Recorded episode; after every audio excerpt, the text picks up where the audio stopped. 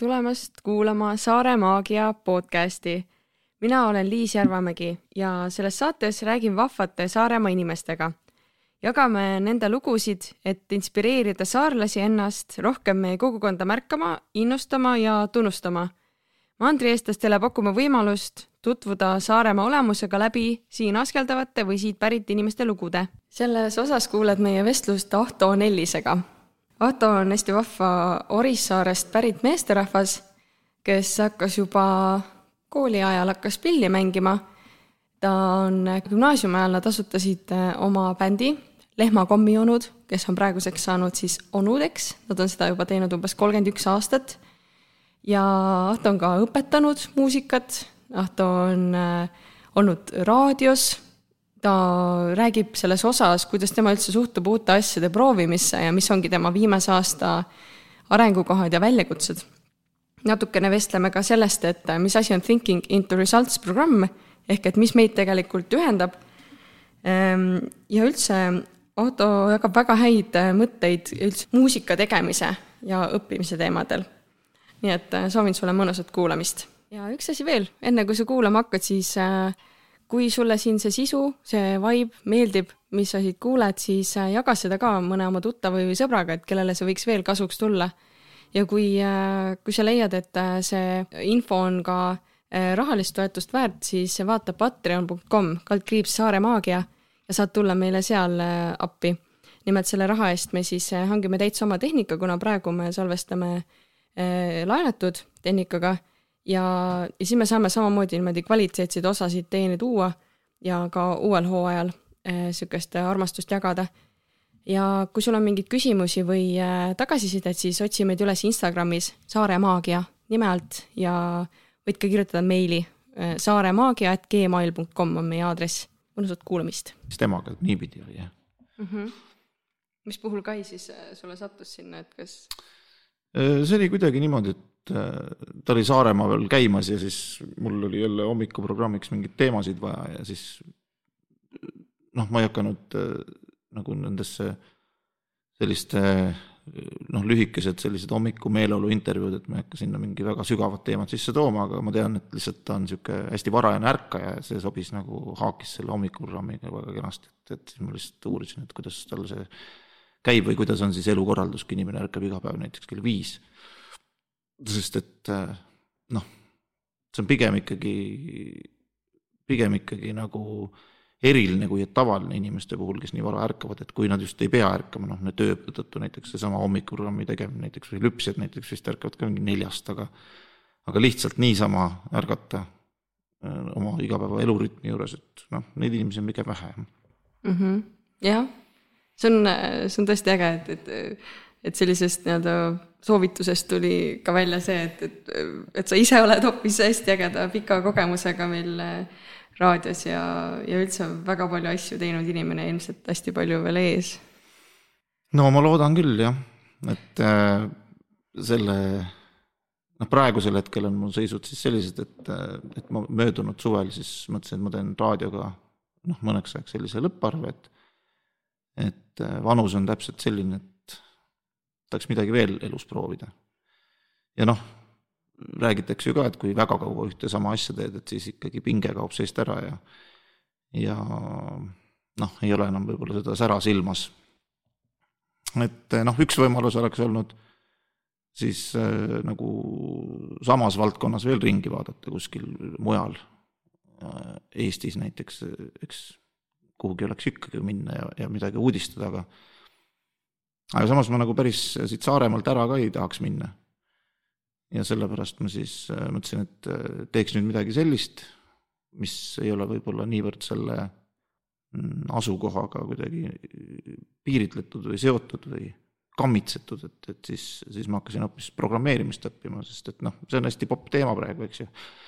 saab kodus töötada või ükskõik kuskohast ja noh, mul olid sellised head eeskujud ka perekonnast olemas, et mõlemad vennad on nooremad, nooremad vennad, kes on siis kaksikud omavahel. Nemad on tarkvaraarendajad juba aastaid ja ja noh, ma vaatan, kuidas nad, kui vabalt nad suhtuvad sellesse kohta, kus tööd teha, et siis teinekord tuli niisugune kadedus täitsa peale, et et äh, jah, et sellepärast ma tegin sellise pöörde. kas nemad ka siis on praegu Saaremaal või nemad just naudivad seda, et nad saavad ringi reisida või? No tegelikult on niimoodi, et äh, üks vendadest kolis näiteks Pärnusse elama Tallinnast, kuigi noh, töökoht on Tallinnas ja mõnikord ta seal käib ka, aga enamjaolt ikkagi toimetab kodust, teine vend elab ka Tallinnas tegelikult jah, aga aga, aga jah, tuleb igasuguseid et-, hetki ette, kus ta näiteks sõidab siia Saaremaale paariks nädalaks ja seal meil maakohas istub aidas ja muudkui seal programmeerib ja väga mõnus. saab aidas tööd teha. Mis tööd tänapäeval aidas tehakse? Aga mida Aidas vist väga tööd ei tehtudki, see oli pigem nagu hoidmise kohta, aga ikkagi. jah, jah, jah, nii, nii on, aga eks selle, sellesama vana aida ja seal hoiustamise ja muude asjadega, siis, siis ma mäletan, et et minu vanematel on olnud ka selline pöördepunkt oma elus, et kus nad siis mõtlesid, et nüüd aitab küll sellest palgatöö tegemisest ja hakkame siis midagi muud tegema, noh, see oli see aeg, kui üheksakümnendate aastate alguses, no kui Eesti vabaks sai, üheksakümmend üks, ja siis äh, ühtäkki avanesid äh, kohe teistsugused võimalused inimestele ja anti talukohti tagasi ja nii edasi, noh, siis äh, nemad otsustasid minna muidugi noh, enam-vähem kõige raskemat teed pidi, et hakkame talu pidama. noh, ja eriti sel ajal, kui mingisuguseid erilisi masinaid ka polnud, noh, maad oli, mis oli siis nagu nii-öelda tagasi saadud ja ja kõik ja, ja eks riik kuidagimoodi noh, toetas ka neid äh, noori talunikke nii, kuidas nagu jaksas, aga noh, eks loomulikult see abi ei olnud piisav ja ja noh, sellest perioodist, noh, meie siis la-, lastena sel ajal äh, saime ka ikka seda elu maitsta, et see oli ikkagi päris karm, selles mõttes, et mm -hmm. et noh, raha ei olnud üldse, aga mida oli, oli nagu tööd oli nii, et, et lihtsalt noh, sõna otseses mõttes töö, töö tapab, tapab, eks ju. ja ja noh, siis ma nägin ka ära, et noh, talutöö on küll selline, noh just selline talutöö, tänapäeval on ju igasuguseid variante ja, ja kõik on automatiseeritud ja võib-olla sa ei peagi nii väga nagu ise kätt külge panema, aga noh, sel ajal oli teistmoodi. ja noh, sel ajal sellisest äh, puhkepäevast und näha muidugi, võiski ainult und näha, seda ei tulnud, et ega, ega lehm ei, teda ei huvita, et, et, et mis päev parasjagu on, et tema tahab ikka lüpsta ja nii edasi mm. -hmm nii et ka niisugune kogemus on olemas, jah. kust kandist sa pärit oled? no ma olengi tegelikult äh, noh, Saaremaalt küll, aga, aga sealt Ida-Saaremaalt, ma olen küll äh, üles kasvanud nagu Orissaares, aga meie see nii-öelda see maakoht, talukoht, kus siis seda talu peeti ja kus vanavanemad vanasti elasid, et see on ka sealsamas Orissaare kandis, Tornimäe, Kõrgvere, Ula küla täpsemalt. Mm.. keegi ei tea ikka seda kohta. No Eestis on palju Ku... kohti, mida ei tea. Saab äh, Google'ist järgi vaadata, keda huvitab. Mm. -hmm. jah, mina ise olen äh, Lääne-Virumaalt ja siis sisse rännanud ja elan siin Kesk-Saaremaal äh, ja siis on nagu Kesk-Saaremaa, see on siis kuskil Valjala kant või? Aste. Aste, see on täitsa okay. keskel nagu selles mõttes mandri täitsa keskel. no see on siin ikka pigem peaaegu et Kuressaare äärelinn juba. põhimõtteliselt viisteist minutit linnasõitu, et mm -hmm. ja siis täna sõitsin siia ja siis ja siis ema küsiski, et mis linna sa siis sõidad, ma ütlesin, ma ei tea, kas meil on siin mingeid muid linnu, vist ei ole väga ju. Kuressaare ongi ainuke linn siin ju. et kas Orissaare on ikkagi, ta on ka ju koht, suurem koht, aga. no ta on jah, suurem koht, aga aga linna ikkagi tast saanud ei ole ja noh, mõnes mõttes nagu tore ka, sest et kui ma vaatan neid väikseid linnu, mis Eestis on, noh, kui me hakkame siit äh, Saaremaa poolt minema, Lihula näiteks, linn tuleb kohe ette ja, ja neid teisi väikseid on veel, noh, et mis kuidagi nagu ikkagi noh, ei sobi kuidagi selle linna nimetusega kokku, et Alev või Alevik või selline nagu ikkagi haagib paremini, aga mingi hetk oli siis Eestis selline selline suur hurraa tuli peale, et tuli need kõik äh, väiksemad asulad hakka-, nimetati linnadeks, mitte kõik, aga noh, ütleme, kes vähegi selle mõõdu kuskilt äh, altpoolt välja andis, et siis nimetati linnaks ja noh, nüüd nad siis on linnad. jah, jah, meil oli ka ju, Tammsalu oli ka mingi linn, kus ma olen õppinud, äh, aga nüüd ta enam ei ole linn ikkagi. nüüd enam ei ole, jah. Jah mm, -hmm. ta nagu suht lühikest aega oli, et saadi ka aru, et ikkagi nagu vist ei tööta see asi. jah, noh, jah, mis seal nagu lõppkokkuvõttes vahet on, eks ju, et kas, kas linn või mitte, aga aga jah, lihtsalt lihtsalt niisugune kentsakas, küla ikka las olla küla mm, -hmm. kui ta on selline. aga siis äh, Orissaares, nagu ma aru saan, sa käisid gümnaasiumi lõpuni ja, ja siis seal sa juba alustasid oma muusikategevust või millal sa alustasid üldse pilli mängimist? No pillimäng algas minu jaoks sellest hetkest, kui Orissaarde tehti siis mitte küll algul siis muusikakool, aga muusikaklass avati algul ja sinnamaani oli siis kõikidel Saaremaa lastel võimalus käia muusikakoolis Kuressaares. aga noh, eks see oli niisugune tükk, tükk sõitmist ja, ja kui Orissaarde siis muusikaklass tehti, siis noh, minul oli ammu juba kindlalt teada, et mina tahan minna muusikat õppima, mingit pilli õppima.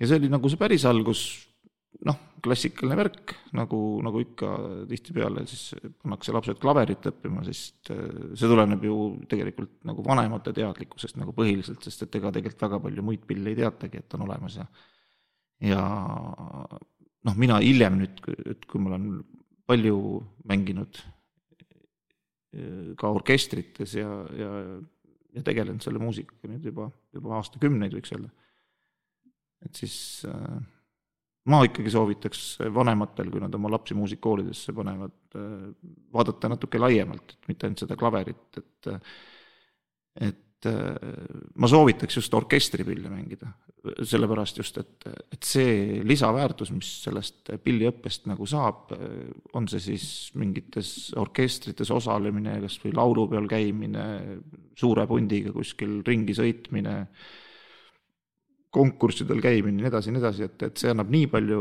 lastele sellist nagu lusti ja lisaväärtust selle pilli õppimisele juurde, et, et noh, üksi klassis on klaverit ka tore harjutada, eks ju, aga mingil hetkel selgub, et ikka nii tore ei ole ja, ja siis ja siis hakkab see natuke nagu igavaks muutuma, aga ma hakkasin ikka klaverit õppima sel hetkel. Ja siis, kui, siis kui tuli üks noor Otsa kooli lõpetanud Tallinna poiss, sel ajal veel, see oli Vene aja lõpp, siis oli veel suunamine, et siis ta suunati, lõpetas Otsa kooli ära, siis ta suunati Orissaare kultuurimaa direktoriks, noh. kus, kus on, mis asi, Otsa kooli lõpetas Metsasarvega ja siis suunati Orissaare kultuurimaa direktoriks, nagu mingit linki ma ei näe siin, aga aga niimoodi see oli. ja kuna ta oli siis eh, puhkpillimängu taustaga ja ütles, et mis asja see kultuurimaja siin ikka juhib, eks ju, niisama, et siis eh, küsis kohaliku muusikaõpetaja käest, et kes musikaalsemad poisid on ja siis ta ajas pundi sinna kultuurimaja kokku ja siis me hakkasime hoopis pasunat mängima, noh, ma klaverit olin paar aastat selleks ajaks juba mänginud. kas, kas sina nimetad ka nagu pasun sellepärast, et lihtsalt inimesed saaksid aru või, või see oligi päriselt pasun, sest ma tean, et Peep Pain teeb selle kohta nalja, et, et trompeti kohta ütleb pasun, sest siis inimesed saavad aru? Jah, noh, ma võtan ka nagu vabalt seda asja, et, et loomulikult ka minu elus on olnud perioode, kus ma ütlen, et kus ma ikkagi tundsin kuidagi häirituna ennast, et mis mõttes pasun, et puhkpillid on kõik erinevad ja, ja., ja ainus, ainus, mis on siis tõesti võib-olla selle pasuna nime ära teeninud või, või mis on ka tegelikult vist äkki prantsuse keelest tulnud, on siis tromboon, eks ju, mida posauneks, posaune on ta siis selles keeles. Mm -hmm.. noh, see on tõesti pasun. Aga kõik teised on ikkagi nii, nagu teised on tõesti ja ma hakkasin trompetit õppima, aga kuidagi praegu tundub, et pasunakoor ja, ja pasuna mängimine on nii niisugune tore, tore öelda, et las ta siis olla, et mis vahet seal teiste jaoks on, et kes teab, see teab. just, ei, see on, see on äge tõesti, et, et nagu mingi aeg asjad häirivadki meid ja siis me nagu laseme lahti ja siis hakkame mm -hmm. ise ka nende üle nalja tegema, eks. jaa, absoluutselt, jah, aga, aga ühesõnaga see pasunakoor sai kokku pandud ja, ja ja meie need äh, pillivalikud käisid siis niimoodi, vaata kuidas noh, elus mõtled, et, et miks ma mingil hetkel olen midagi äh, valinud mis sind võib-olla lõpuks nagu mõjutab väga pikalt, võib-olla terve elu, eks ju. et noh, meie need pillivalikud olid siis niimoodi, et me jõudsime ühe teise poisiga jõudsime esimesena sinna kultuurimajja, siis me jõudsime trompetit, sest et see oli ainuke pill, mida ma nagu varem pildi pealt näinud ka olin, et teisi, teistest ei teadnud mitte midagi. et kes ees, see mees, jah? jah, põhimõtteliselt küll niimoodi läks. ja siis, äh, ja siis tegelikult äh, juhtus niimoodi, et äh, ma seal vahepeal juba lõpetasin põhikooli ja, ja läksin ka kümnendasse klassi. ja kuna samal ajal, see oli siis ka koos Eesti Vabariigi, me hakkasime bändi tegema, ansambel, hästi naljakas nimi, Lehmakommjanud oli enda, enda meelest sel ajal. ja siis äh, siis äh, kümnes klass juba, üheksas klass veel lõpetas niimoodi enam-vähem, noh, hinded olid korras ja vist üks-kolm oli, sinnamaani ma olin ikka väga priimus olnud, aga kuna siis hakkas see bändi elu pihta ja siis ütleme, kümnes klass läks väga niimoodi kukkadi-kakkadi, et et ähm, noh, hea, et ma selle klassi üldse nagu lõpetatud sain. ja kuna nagunii see kümnes klass oli sihuke, õppimisele jäi nagu vähem aega ja, ja kui siis see pasunaõpetaja tuli, tuli kevadel selle jutuga, et aga mis oleks, kui läheks Otsa kooli. Jess, muidugi, et tõesti, et mul sellest vene keelest on ja, ja kõikidest teistest ainetest, mis, mis mul üldse välja ei tulnud, et oli siis äh, parasjagu niimoodi kopp ees, et siis äh, miks mitte. Läheks üldse Tallinnasse kooli.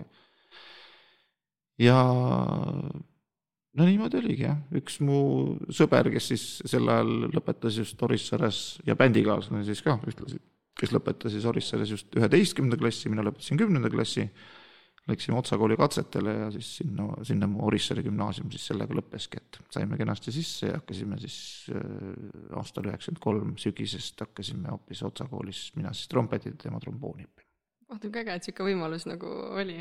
kas siis kuidagi kool ka toetas seda nagu seal elamist või olemist, et või pidi ikkagi nagu pere selle asja nagu organiseerima või olid ka, nagu sa ütlesid, suunamised, et? ei, ei, ei, siis oli ikkagi niimoodi, et me ikkagi läksime ja otsisime endale ise elukoha sealt ja seesama puhkpilliõpetaja, kes meid sinna siis viis, temal oli parasjagu Mustamäel üks äh, tuba oli vaba enda korteris, et siis me elasime esialgu seal ja, ja siis äh, noh, sealt edasi me oleme iga, igasugustes kohtades elanud, et, et küll me elasime vahepeal Kehras hoopistükkis ja ja noh, kus parasjagu elada sai, et kontsi ajal juba ühikas ja niimoodi mm. -hmm. siis see seiklus hakkas sealt pihta? Ja, ja see oli muidugi hästi suur seiklus, et noh, ma olin kuidagi nagu hästi iseseisev olnud varem ka ja, ja juba suhteliselt väiksest peale me käisime Orissaare poistega, käisime siin Kuressaares Eh, poistekoori proovis, sest et oli Saaremaa poistekoor, niisugune üle Eesti käisid või üle Saaremaa käisid poisid kokku ja siis, siis me seiklesime siin niimoodi omapäi. ja, ja mul oli kuidagi väga mõnus jah, nagu kodust ära tulla, et kuigi mis see kümnenda klassi lõpp on, oled seal mingi äkki viisteist või, või midagi sihuke, kuusteist. ja, ja. aga see on ju niisugune aeg, kus tegelikult hakkabki see tulema, et et saaks natukene ise teha nagu sihuke isetegemise aeg võib-olla, et mm. -hmm, mm -hmm. kui, kui niisugune vastutustundlik oled, siis on nagu hästi ka, ma ise ka käisin gümnaasiumi ajal maadlustrennis ja ka niimoodi, et esmaspäeval läksin kooli, pärast kooli läksin teisse asulasse siis trenni, ööbisin seal ja siis teisipäeval läksin kooli ja teisipäeva õhtul alles jõudsin koju ja selline aeg kogu aeg käis, et esmaspäev, kolmapäev, reede trennid, nädalavahetusel võistlused ja ka põhimõtteliselt niisugune noh, ikkagi ei olnud väga kodus, et kodus käisingi söömas ja magamas nagu. ja, ja siis äh, ma just äh, mõtlen praegu nagu neid vanemaid, kes oma laste peale mõtlevad, issand vaesekesed, et neil on nii palju mingeid trenne ja asju. Kui ma enda lapsepõlve peale mõtlen, et siis noh, ei olnud sellist mõtet, et kui raske mul ikka on, et ma ei jaksa käia seal või et ma olen nii väsinud või midagi sellist, et et pigem nagu panevad vanemad need sellised äh, asjad sulle külge, noh, võib-olla mõnikord loomulikult oled ka väsinud ja nii edasi, kui on pikad päevad, aga aga noh, nii raske, nagu see vanematele paistab, see tihtipeale ikkagi ei ole nagu lapse enda jaoks. see vist oleneb, et kui sa teed midagi, mis sulle meeldib, mida sa teha tahad, siis leiad alati selle jõu ja tahte, et et koolitükid enne, enne trenni või proovi ära teha ja küll saab organiseeritud, et see pigem minu meelest õpetabki seda noh, aja, aja, aja väärtustamist, aja planeerimist ja kõike seda, eks ju mm. -hmm, absoluutselt. Ehm, kas sa siis pärast äh, seda kooli, noh, seda gümnaasiumi lõpetamist jäidki mandrile? või sa oled mm. vahepeal elanud ka Saaremaal, nüüd sa oled tagasi, aga kas pärast seda sa jäidki siis? peale seda Otsa kooli? jah. No tegelikult jah, et äh, siis ma kuidagi sättisin ennast sinna mandri peale sisse ja, ja kuna see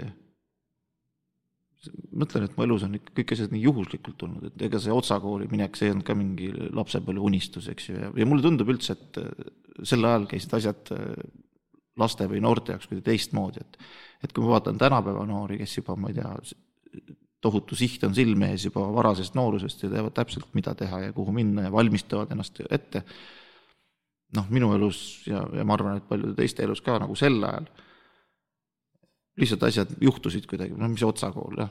kas ma olin unistanud kunagi, et tahaks mingisugune professionaalne trompetimängija hoopis olla, et noh, täiesti lambi värk, noh, sai Orissaarest ära nagu, see oli nagu see põhjus ja. nagu rohkem. ja ei no pärast ega ma ei kahetsenud seda. Aga noh, niimoodi tagantjärgi ma olen muidugi mõelnud, et äkki oleks pidanud elus mingeid niisuguseid teistmoodi valikuid tegema või rohkem läbi mõtlema neid asju ja niimoodi, noh, ei tea. aga Taga... tegelikult ikka tagasi vaadates on olnud täpselt see, mis on pidanud olema, eks ju. ja, ja ei, kõik, kõik on väga tore, välja arvatud see, et, et noh, praegu ma ju trompetimänguga otseselt ei tegele, eks ju, et aga, aga iga, igasugused muudel aladel ju igasugused õpitud oskused või kogemused, eks need võib-olla teistmoodi on ka kasuks.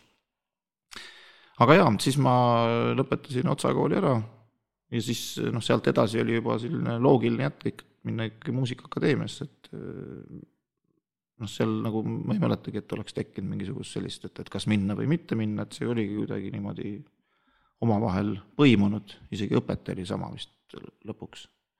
siis ma käisin kontsi ka läbi ja samal ajal töötasin, noh, bändi me tegime nagunii kogu aeg. ja kas nende samade siit Orissaarest pärit inimestega või olid seal, kes sul seal bändis olid? jaa, tegelikult küll, et äh, et me läksime Orissaare koolis tegelikult kõik, me tegime kolmekesi, tegime bändi algul siis nagu sihuke põhituumik oli kolmekesi. ja me läksime Orissaare koolist samal aastal kõik ära, et meie siis Marti Nõuga läksime Tallinnasse Otsa kooli ja, ja Koit, siis kolmas liige, tema tuli Kuressaarde gümnaasiumisse. tema läks peale, tema siis oli peale üheksandat klassi, nii et me olime kõik erinevatel astmetel. ja siis siis äh, see bänditegu jäi nagu paariks aastaks, et kui ta siin Kuressaares toimetas ja oli nagu noh, natuke tiksus ka, aga, aga mitte väga palju ja siis, kui ta tuli Tallinnasse ülikooli, Koit siit Kuressaarest, et siis, siis läks jälle täie hooga lahti ja siis me võtsime endale üheksakümne kuuendal aastal mandri pealt ühe trummimehe ka ja noh, siis me olime kõik juba mandril, nii et siis, siis sai sellega mõnusalt tegeleda, aga muidu jah, see põhituumik on, oli, oli sama sinnamaani, jah äge, siis tundub ka nagu, et on õige asi, kui ikkagi inimesed üksteist ära ootavad ja pärast nagu kuidagi niimoodi sujuvalt edasi saavad teha. jah, jällegi selline, et, et kui me siin ennem ütlesin, et üheksakümne esimesel aastal suhteliselt noortena mõtlesime, et teeme mingit kalambuuri ja et paneks bändi nimeks Lehmakomme olnud, et noh, ei osanud ju uneski näha, et, et me seda teeme. kolmkümmend üks aastat või isegi tegelikult juba kolmekümne teine saab täis nüüd varsti kohe, on ju. Mhm. Ja noh, see oli ka võib-olla siis üks äh, põhjustest, et kui me saime, bänd sai kahekümne aastaseks aastal kaks tuhat üksteist, et siis me mõtlesime, et et midagi võiks muuta, et midagi muud ei, ei tahaks muuta, et muudame siis nime ära. Siis me mõtlesime, väga nagu teistmoodi nime ka ei tahaks, et parem on sul Onud, vot. aga jah, et siis, kui ennem jäi jutt sinna pooleli, et bändi me tegime kogu aeg, aga kooli kõrvalt siis äh, siis juba tegelikult äh, kuskil seal üheksakümnendate aasta lõpus ma hakkasin tööl ka käima, et äh, mõni aasta töötasin RAM-is või siis Rahvusmeeskooris lauljana. seal muidugi kentsakas on ja jälle mõeldakse, et mis amet sihuke on. Lähed hommikul roovi, hakkad laulma. Aga ta oligi täitsa nagu amet või? jaa, täitsa amet jah, Eesti Kontserdis palgal ja kõik edasi. rahvusmeeskoori laulja. mis laule te laulsite seal? noh, ikka vana Gustav Erne saksa koori selline koorilooming, noh, seal oli värskemat ja, ja vanemat muusikat, igasugust, noh, eks seal on Eesti Kontserdi poolt ju tänapäevalgi on ju hästi läbimõeldud ja need kavad ja erinevad äh, projektid ja nii edasi, noh, niisugune kontserttegevus ikka selline äge. ja siis äh, hakkasid lapsi ka õpetama, algul Aruküla muusikakoolis ja pärast siis veel Viim-, Viimsi muusikakoolis veel paralleelselt, nii et äh, see koormus läks väga suureks, pluss siis äh, kui sa mingist hetkest ma hakkasin politseiorkestris mängima trompetit nagu töö, jälle seal ka siis nagu töötasin, töötasin politseis. mul oli see politsei mingi töötõend ja asjad on ju. no mis tööd sa teed seal politseis, siis no mängin pasunat ka tähtis töö. jaa, ka tähtis töö jah ja.. noh, eks see oli, see oli selline huvitav periood, et äh, ma töötasin seal siis lõpuks üksteist aastat kokku seal politseiorkestris et äh, sihuke töö, kus nagu noh, sa pead ennast muidugi vormis hoidma ja, ja nii edasi, noh, vormis igas mõttes, eks ju, et vormidega seljas olema. aga pillimängu mõttes ka vormis hoidma. aga, aga see oli üks sihuke huvitav töö, et seal ei pidanud üldse mõtlema, nagu üldse. et vaatasid kalendrist, mis kell on väljasõit kuhugi või mis kell proov on, läksid sinna kohale, mängisid oma asjad ära, siis äh, jälle siis vaatasid, mhm. millal järgmine väljasõit on. et sihuke, sihuke huvitav asi. aga muidugi hästi äge seltskond ja, ja tore oli musitseerida nende meestega koos. seltskonna naistega. pärast, seltskonna pärast vist tasub päris palju asju teha või?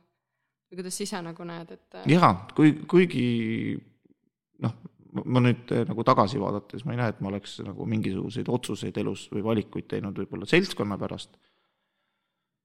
aga, aga kuidagi on alati sattunud hästi jah, mhm, et eh, tõesti praegu ei tulegi meelde, et oleks olnud mingi selline koht, et eh, issand, et sinna nagu üldse ei taha minna, et muidu nagu tööd ta- tahaks teha, aga et noh, see seltskond nagu üldse kuidagi ei istu või ei hagi, et mhm. kui sul nüüd see koormus läks seal hästi kõrgeks ja õpetades ja lauldes ja mängides, et äh, mis siis sinu otsused seal olid, et äh, kas sa võlusid kuskilt aega juurde või sa pigem nagu võtsid midagi ära ja, mille pärast?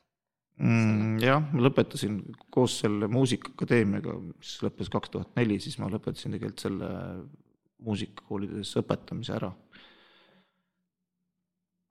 et eh, noh, ma arvan, et ma põlesingi selles mõttes läbi, et kuna neid, see õpetamise koormus oli nii suur, lapsi oli lõp- läks lõpuks nii paljuks, et siis, siis läks lõpuks nagu isu täitsa ära. ja, ja ma andsin siis, otsisin endale asendajat sinna koolidesse ja, ja mm. -hmm. nemad siis toimetasid edasi ja üks minu meelest toimetab ka siiamaani. sama koha peal, ei isegi vist äkki mõlemas koolis jah, siiamaani, see oli ju kaks tuhat mingi neli, noh, mis meil täna on kaks tuhat kakskümmend kaks, eks ju, aastat tagasi. jah, no päris head pärijad siis leidsid jaa omale., päris hästi jah, aga tõesti kuidas. sa tundsid ennast, et kui lapsed olid seal, kas sul tekkis mingisugune nagu emotsionaalne side ka nendega, et noh, et laste pärast oleks või oli pigem, et, et ikka nagu ei ole, ei saa, ei saa, et ei, ma tundsin ennast äh, nagu õpetaja rollis tegelikult väga hästi ja, ja mul oli see, lastega oli selline side ikkagi väga hea, aga, aga võib-olla lihtsalt, võib-olla lihtsalt jah, see, et esiteks oli nagu hästi palju sellist sõitmist ja, ja kombineerimist, sest et äh, muud asjad tahtsid ka ja kool tahtis lõpetamist saada ja, ja see oligi, ma ei tea, Muusikaakadeemia viimane aasta vist ka, kus oli hästi palju harjutamist ja, ja endal oli ka muid asju teha mm -hmm. et siis äh, jah, kuidagi tundus, et kui ma nüüd järgmine aasta jälle lähen ja võtan jälle uued äh, need lapsed, kellele ma hakkan jälle täpselt sama juttu otsast pihta rääkima, et, et see on nagu see lõpmatu ring, eks ju, nagu see õpetajatöö on. Et äh, siis tundus, et võib-olla jah, oleks õigem natukene nagu tagasi tõmmata. mm. -hmm. ma korra küsin selle kohta, kuidas sa iseennast näed, et äh, näiteks vaata, on inimesed, kes te, võtavad mingi asja kätte, hakkavad tegema, teevad seda äh,. aga näiteks mina ise tunnen, et isegi kui ma võin mingit asja pikaajaliselt teha, siis midagi võiks nagu alati olla uut. et kas sa ise oled ka, kas sa oled seal pigem vahepeal, kuidas sa ennast nagu näed, et kas, kas sulle sobib niisugune pikalt ühe asja tegemine või pigem sa nagu otsid mingit uuendust ka, ka pidevalt? noh, rutiin tekib tegelikult, ma usun, et ükskõik, mida sa ka ei teeks ja kui, ja kui palju see, see asi siis nagu ajas muutub ja natuke ikka ju muutub. Et ma ei kujutagi ette, et mis, mis töö see selline on, mis nagu on kogu aeg täpselt sama, oled võib-olla kuskil mingis tehases oled mingi liini peal, eks ju, et teed mingit ühte liigutust kogu aeg. aastaid näiteks paned ühte asja teise peale näiteks, mis iganes.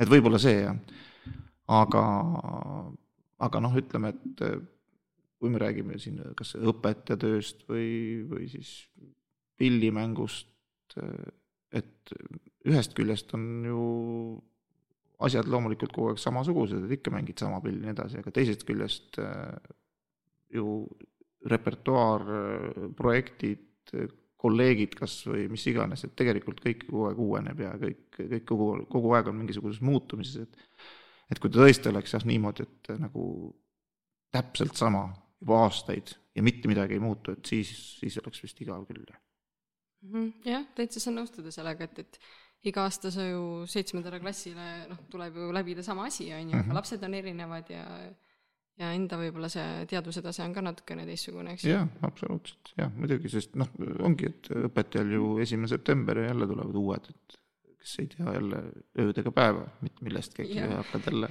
hakkad jälle nii-öelda ennast kordama. jah, ja minu meelest õpetaja, noh, kui ma nüüd ise olen ka, ma olen majandust õpetanud seitsmendatele klassidele ja gümnasistidele. Ja, ja siis ma nagu näen ka, et, et tegelikult õpetaja võikski või noh, jah, hea õpetaja ongi kõige suurem õppija. et ikkagi ju selleks, et õpetada, tuleb hästi palju juurde õppida. Ja, ja ühest küljest juurde õppida, teisest küljest siis hästi, sa pead pidevalt nagu seda, mida sa siis õpetad, sa pidevalt mõtestad enda jaoks selle uuesti lahti, pidevalt uuesti ja uuesti ja uuesti ja uuesti ja lõpuks nagu noh, lõpuks on võimalik nagu niimoodi asja päris sügavustesse nagu jõuda.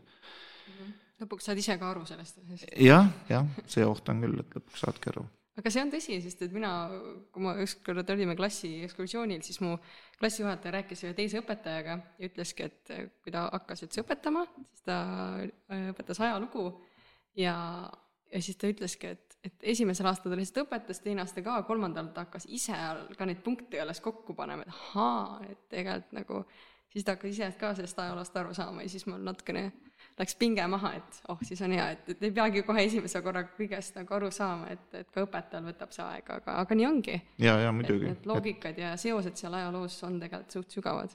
noh, pluss siis äh, igasugused muud asjad, mis aja jooksul tulevad, kogemused lastega suheldes ja nii edasi. et ma ikka imetlen neid, see, mida, mida sa teed äh, muusikakoolis, individuaaltunnid, eks ju, et sul on õpilane ja üks õpilane ja üks mina, eks ju, et siis me omavahel suhtleme, et see on ikkagi noh, see on ikkagi väga, väga nagu mitte midagi selle kõrvalt, et kui ma kujutan ette, et äh, nagu sa ütlesid, seitsmes klass, see on täpselt see paras iga, eks ju.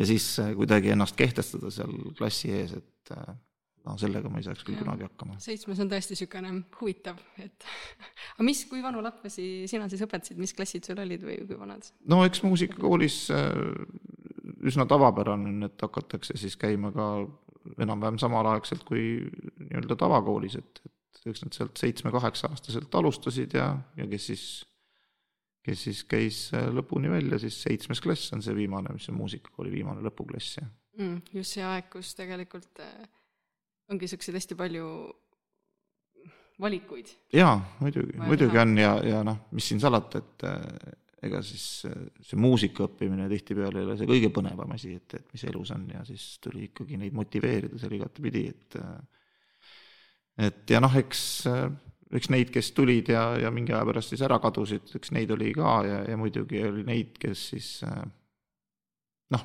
vaata üldse, üldse igasuguse õpetamise juures on ju see, et mida sa nagu ise sealt siis saad, eks ju, sa pead igast asjast, kuhu sa energiat annad, sa pead ka midagi vastu saama, et muidu sa lähed väga kiiresti tühjaks. et noh, muusika õppimise juures loomulikult kõige suurem niisugune nii-öelda tagasisaamine on see, kui, kui sul siis lõpuks jõuab kohale, mida sa räägid, eks ju, õpilasele ja ta näiteks mängib sul pilli nii, nii nagu sa umbes ette kujutasid või või noh, on ühesõnaga selline tubli ja, ja andekas ja nii edasi. ja, ja loomulikult äh, inimeste või laste need nii-öelda musikaalsed eeldused on hästi erinevad ja, ja see ei olegi oluline, et, et, et kõik, kes muusikakoolis käivad, et kõigist saaks mingid tohutud muusikud, eks ju, et see on ka teistpidi silmaringi avav ja, ja arendav ja, ja igatepidi kahjuks ta ei tule mitte kellelegi. aga noh, ütleme, et mingisugused äh, lapsed keda ütleme, et sa näed, et nagu esiteks teda ennast absoluutselt ei huvita see, on ju. ja siis on vanemad, kes ikkagi nagu nui neljaks, no sa pead, käid seal, et noh, elavad mingisuguseid enda õppimata jäänud pille nagu lapse peal välja, et noh, see nagu ka ei ole päris õige, et, et kui ikkagi nagu täitsa vastumeelselt asi, asi on ja, ja välja ka ei tule ja aga ema ja isa ikkagi sunnivad või vanaisa, vanaema, kes iganes, et et siis, siis peaks vanemad korraks vaatama nagu ise peeglisse minu meelest selle, sellel puhul. kui palju sa seda oled näinud, et, et niimoodi tullakse ja kas, kas mõni laps on nii-öelda sellepärast saanud ka sõbralikult noh, ikkagi mingi noh, sealt tundidest ära jätta? ei noh, mina ei ole kedagi ei kunagi ära ajanud, selles mõttes, et mm -hmm. nagu et noh, nagu ma ütlesin, et ega kahjuks ta ei tule nagunii mitte kellelegi aga lihtsalt äh, oht on see, et, et kui see ikkagi endale tohutult nagu vastu käib ja, ja sa teed seda läbi mingisuguse surumise, et siis, siis see võib vastupidi tekitada mm. mingi tohutu trauma lõpuks. et sa ei taha üldse mingisugust muusikat või, või pilli elus kunagi näha, et, et see peab olema ikkagi selline rõõm ja, ja, ja, ja mulle mõnikord tundubki see, et, et äh, jäetakse nagu võib-olla laste jaoks ka ja mõt-, nagu lahti mõtestama, et mis asi see on, et mida me siin muusikakoolis näiteks teeme, on ju, mis see on. et äh, mis asi see muusika üldse on või, või miks me seda teeme, on ju, et, et mhm. et seda tehakse ju ikkagi rõõmu jaoks, et seda tehakse selleks, et et äh, see on nagu, et inimestele pakkuda esteetilist naudingut, et oleks nagu ilu ja, ja rõõm ja, ja kõik sellised nagu positiivsed emotsioonid, mis sellega kaasnevad. Et äh, noh, sellesse ei saa suhtuda niimoodi, et nagu tambime nagu mingisugust äh, hingetut asja nagu, et, et õpime nui neljaks ja mingi pilli selgeks, aga noh, tegelikult me ei tea, miks me seda üldse teeme. jah see on, see on väga hea punkt ja ilmselt see tulebki sinu kogemusest, et see ei tule kuskilt, et sa lugesid seda ja nüüd räägid, vaid see tulebki sinu enda kogemusest ja laste õpetamisest. jah, võib-olla see on ka asi, millest mul võib-olla enda muusikaõpingute juures puudu jäi, et võib-olla ma sellepärast tajun seda hästi mm,. et endal, kuidas su enda õpingud siis olid, et äh, olid noh, ei olnud seda rõõmu seal kõrval või? ei, võib-olla oli see, et lihtsalt äh, kuna no me lihtsalt käisime muusikakoolis, lihtsalt äh, mängisime pilli nii palju, kui tuli ja ja ja võib-olla ma tõesti nagu tagantjärgi oleks, oleks nagu tahtnud, et, et keegi oleks äh, nagu natuke selgitanud nagu või natuke seda üldse, et mis asi see muusika on või kuidagi seda nagu lahti mõtestanud nagu lapse jaoks, et laps ei ole loll midagi, et ta saab väga hästi aru. et kui lihtsalt võtta ette mingisugune noot, et näed, mängi need noodid nüüd ära, eks ju, et siis siis nagu see ongi muusika, et noh, tegelikult see ei ole päris, päris nii lihtne või päris nagu selline, et, et siis jääb nagu pool asja jääb minu meelest saamata, kui sa ise ei oska läbi elada või tunda seda, et mis asja sa nagu teed mm. -hmm. ja niimoodi võib-olla need lapsed, kes muidu jääksid, lähevadki ära, et nad nagu, neile tundub see ükslüüne ja rutiinne ja nad ei saa aru, et see on, tundub nagu kohustus, eks ju. jaa, absoluutselt. kuigi noh, ma usun ka seda, et, et need, kes ikkagi on nagu hästi musikaalsed, nad ükskõik, kas keegi räägib neile sellest või mitte, aga nad lõpuks ikkagi nagu iseenesest kuidagi tunnevad või tunnetavad selle ära mm. -hmm. no vahel aitab kohusetunne ka näiteks, et mina ise hakkasin esimeses klassis rahvakannet mängima ja ka kuidagi nagu kõik käisid seal, et kõik klassikaaslased olid seal ja ma ka ei saanud nagu aru sellest nii suurelt, oli ka lihtsalt üks äh, nende keelte nokkimine, aga, aga aga sellega ma saan täiega nõustuda, et, et see annab nagu hästi palju võimalust äh, ringi käia, reisida ja ja nagu sotsialiseeruda, et mm -hmm. on ka pillipidusid käidud, Tšehhi reis on mul siin hästi meeles, niisugune esimene välisreis, et kõik see sport ja muusika, need annavad tihti võimaluse reisida mm. -hmm. kus, kuhu kaugele sina ise oled äh, tänu muusikale jõudnud, nagu siis geo-, geo-, geograafiliselt? geograafiliselt? noh, ega ma väga kaugetes paikades ei ole käinud, no orkestriga, Boritsi orkestriga me käisime ikkagi Euroopas päris palju ringi. päris mitu Hispaania reisi ja, ja Holland tuleb meelde veel ja noh, Skandinaavia maad. bändiga me oleme käinud ainukesed välisreisid vist mõned korrad Saksamaal, aga aga jah, et need, ütleme, need muusikalised projektid, mis ma teinud olen või, või teen praegu, et need ei ole sellised ütleme, väga globaalsed ei ole olnud mm. -hmm. ja, ja noh, ei ole ka sellist ambitsiooni tegelikult olnud, mis siin salata. Aga nii ongi, vaata, et see, mida sa tahad, seda umbes saad mm. -hmm. et või siis, või siis isegi saad natukene, no ütleme niimoodi, et tegelikult võib-olla sisimas ikka nagu on meil need soovid, aga me ei oska neid võib-olla sõnastada, et otsakool või, või mingi muud asjad, vaid kuidagi nagu need tulevad loomulikult, aga need on meie sees nagu olemas, need mingid soovid edasiarenguks ja, ja, ja. ringi reisimiseks ja võib-olla tõesti sest noh, kui ma nagu tagasi mõtlen selle Otsa kooli ja Kontsi aja peale, et siis äh, noh, tagantjärgi, et mul olid ikkagi nagu super lahedad nagu võimalused, et, et millest ma sain sel ajal nagu osa võtta ja et noh, muusikute või ütleme, see puhkpillimängijate, ilmselt ka keelpillimängijate nagu ringkonnad ei ole väga suured ja siis, kui on vaja ikkagi kuskil kedagi asendada, noh näiteks äh, ma ei tea, keegi on haige või keegi teeb mingit teist äh, mingit eraotsa, et siis, siis otsitakse endale asendaja ja ma sain ikkagi mängida nii Estonia teatriorkestris kui ka ERSO-s näiteks mingitel juhtudel ja ja noh, tagantjärgi mõeldes, et need on ikkagi väga suured sellised asjad ja võimalused, eks ju. et noh, see on kuidagi nüüd tagantjärgi niisugune kauge aeg, aga, aga väga, väga lahe jah. ja ma, ma ei tea, kas nagu eh, noh, orkestrimängijal on sellist äh, sellist nagu maailma vallutamise ambitsiooni, et tema teeb oma orkestri keskel teeb ja ükskõik kus kohas see orkester siis parasjagu mängib mm. -hmm. niimoodi grupina on tegelikult täitsa hea ju isegi teha, et äh, seal on niisugune teine dünaamika, et mm, -hmm. et, et igaüks ei peagi välja särama, aga kokku säratakse nagu väga äge asi välja. ja, ja absoluutselt ja, ja see peab olema ka niisugune teatud teatud äh, võib-olla jälle inimtüüp, et kellele selline orkestrielu sobib. sest äh, noh, tihtipeale ju on, on staažid väga pikad ja, ja loomulikult ka selles töös, eks ju, mõtled küll, et näed, oled seal Estonia teatri orkestri augus, eks ju, et mängid mingit vägevat etendust, et aga ka selles töös on rutiin olemas, et eriti kui sa mängid mingisugust äh, etendust juba võib-olla mingit, ma ei tea, sajandat korda, eks noh mm -hmm., see rutiin tekib nii või naa, et, et noh, sellised, sellised äh, noh, neid äh, pillimeeste naljajutte on muidugi hästi palju ja, ja kuidas keegi on seda rutiini siis üle elanud, et, et on ka näiteks juhus, kus, kus on, mees mängib pilli, mingit, või noh, näiteks Pipi Pikksuka mingit saja viiekümnendat korda, eks ju puldi peal on äh, siis noh, noot, mida ta muidugi ammu enam ei pea vaatama, sest et see on pähe kulunud. Teine pool noodist äh, või noodipuldist on siis mingisugune ajaleht, kus ta siis loeb uudiseid ja kõrvas on veel klapp, kus ta kuulab mingit spordiüles, ülekannet on ju noh, ja see on etenduse ajal kõik käib seal. jah, see on küll päris hea jah, et kuidas, kuidas selle rutiiniga saada hakkama, et aa, mingi, okei okay,, läbi juba, okei okay., lähme koju nüüd sa mainisid siin enne niisugust asja ka, andekus. kuidas sa ise nagu näed, et mis asi on nüüd see andekus? kuidas sina seda defineeriksid? Näiteks muusika vaatest.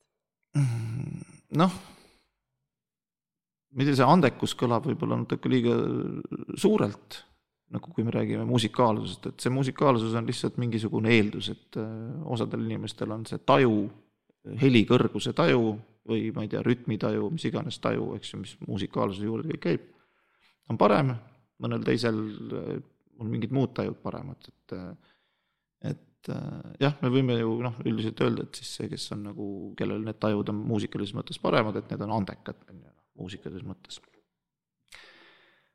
aga, aga mida aeg edasi, seda rohkem olen aru saanud, et et ega et, et kõik me oleme omamoodi andekad mingitel aladel, noh, et ja, ja õnn on see, kui sa siis eh, nii-öelda saad selle joone peal, et sa tegeledki sama asjaga, mis, mis nagu on sinu tugevused. Et eh, lihtsalt on nagu noh, kurb või, või kuidagi on nagu kahju mõelda, eks ju, et eh, kellel on see muusikaline taju ja muusikaline kuulmine üldse nagu selles, need tajud on hästi tugevad, et tema näiteks töötab terve elu mingil muul alal ja üldse sellega näiteks ei tegele, et see tundub nagu raiskamine, eks. ja, ja noh, aga, aga ma jah, mõtlen, et, et andekus kui selline, et, et millal sa saad aru, et see ei ole nagu, nagu, et andekas, ma arvan, et andekus ei ole nagu väga eriline asi. et äh, et just mõtlengi, et igaüks on nagu mingi, mingist kohast nagu andekas ja oluline on need kohad nagu ära tunda mm. -hmm. ja ma isegi mäletan vist äkki sellest äh, Tirris mingitust, äh, mingist kohast käis läbi see mõte, et, et andekaid, aga edutuid inimesi on nagu, see on hästi tavaline asi, on ju sest et äh, see andekus iseenesest nagu ei anna mitte midagi. jah, et tuleb midagi teha selleks, et see andekus nagu areneks esiteks, et esiteks ja teiseks, et ta maailmani jõuaks nagu kuidagi mm, -hmm. kuidagi kasulikku viisi ja, ja see oli jah, seal, et andekaid, edutuid inimesi on nagu palju, et aga neid, kes ei tundu andekad, aga on kuidagi edukad, neid nagu äh, on ka, sest et nad lihtsalt teevad asju.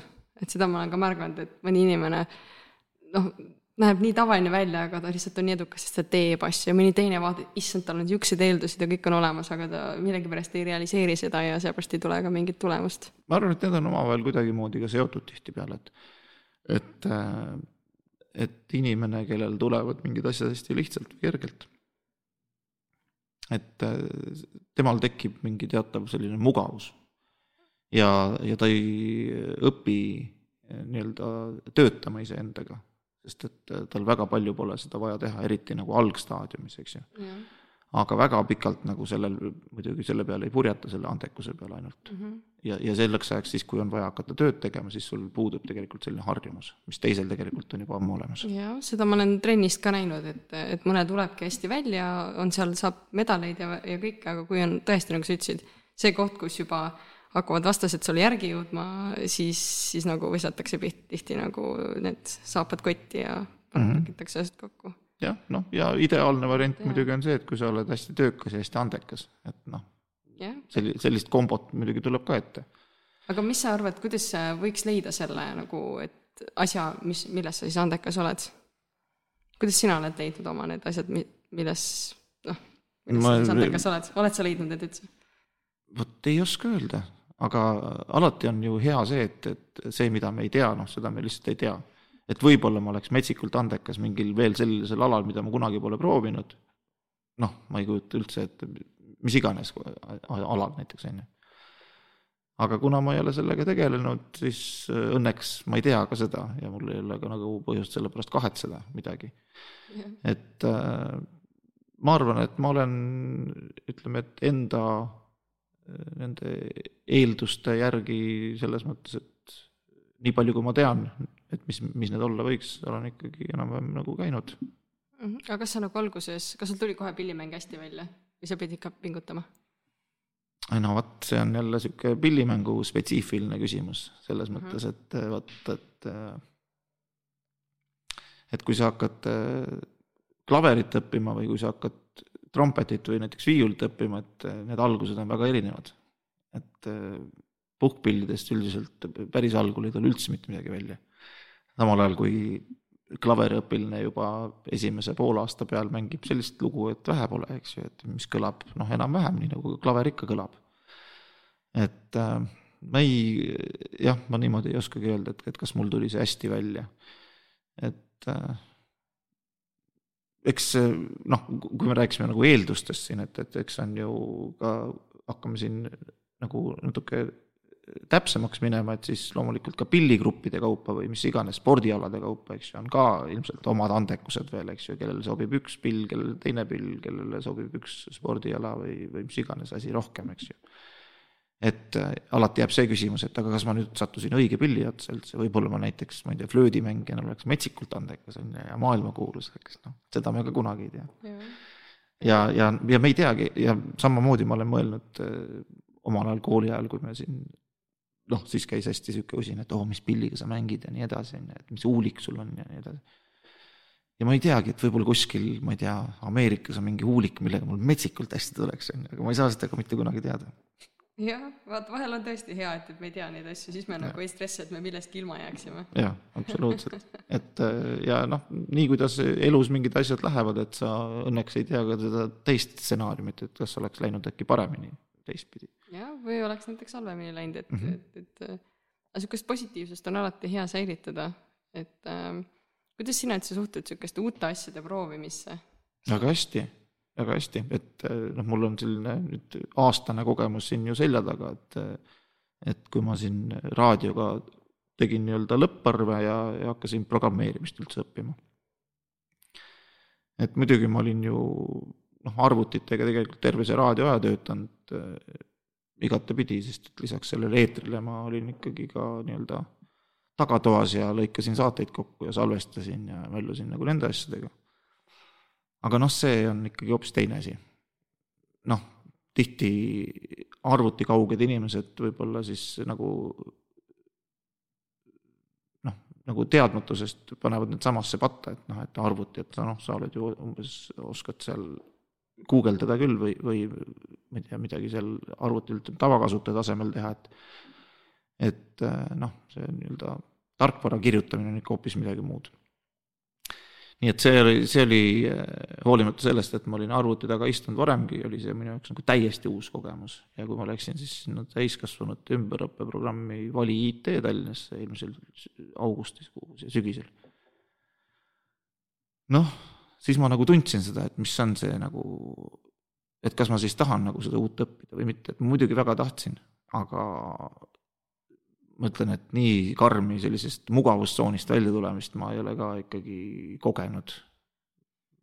et noh, kindel on see, et mitte väga ammu, aga võib-olla ka, et mitte üldse mitte kunagi varem mm,. mis siis kõige raskem oli niimoodi ühe, ühe arvuti tagant siis nagu teise arvuti taha istumisel? ei noh, arvuti on ikka sama, aga, aga, aga, aga lihtsalt nagu sisu mõttes jah ja., et, et mitte, mitte sa siis ei kasuta arvutit, vaid sa lood kasutajakogemust, nagu võib-olla see on selline kõige, kõige selline, aga, aga kogu see noh, ma arvan, et see on nagu ükskõik millise sellise asja õppimisega, millega sa nagu üldse ei ole varem kokku puutunud.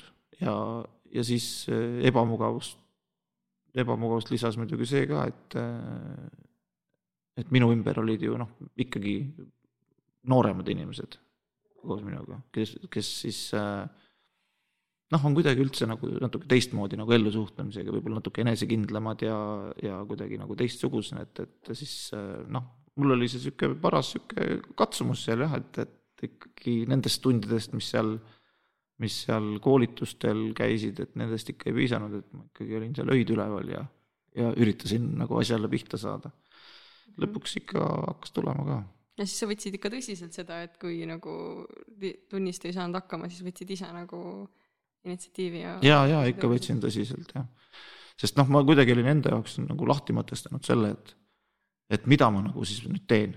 et kui ma nüüd võtsin ette selle teekonna, et äh, ega see ei ole ju üldsegi mitte selline tavapärane ja mitte väga lihtne, et äh, nüüd ma panen oma mingisuguse senised kogemused, senised tööd, mingit kogemust tuleb muidugi kaasa, aga, aga senise töö panen nagu kõrvale, teen täiesti selge vahe sisse ja hakkan midagi täiesti nagu teistsugust õppima. et see nõuab ikkagi natuke ka sellist julgust, noh, et aga kuidas mul läheb, eks ju, et kas ma üldse nagu saan hakkama, eks ju, et võib-olla ma kulutan siin mingi, ma ei tea, pool aastat või aasta kulutan aega ja siis lõppkokkuvõttes nagu ei tulegi sellest midagi välja. noh, kui sa seda ei tee, siis sa ei saagi teada, et kas tuleb välja või ei tule välja. nii et äh, see asi ka sinna juurde, et, et, äh, et äh, noh peale gümnaasiumit või niimoodi nagu seda teha, eks ju, lähed õppima niimoodi, see on nagu niisugune loomulik asjade käik.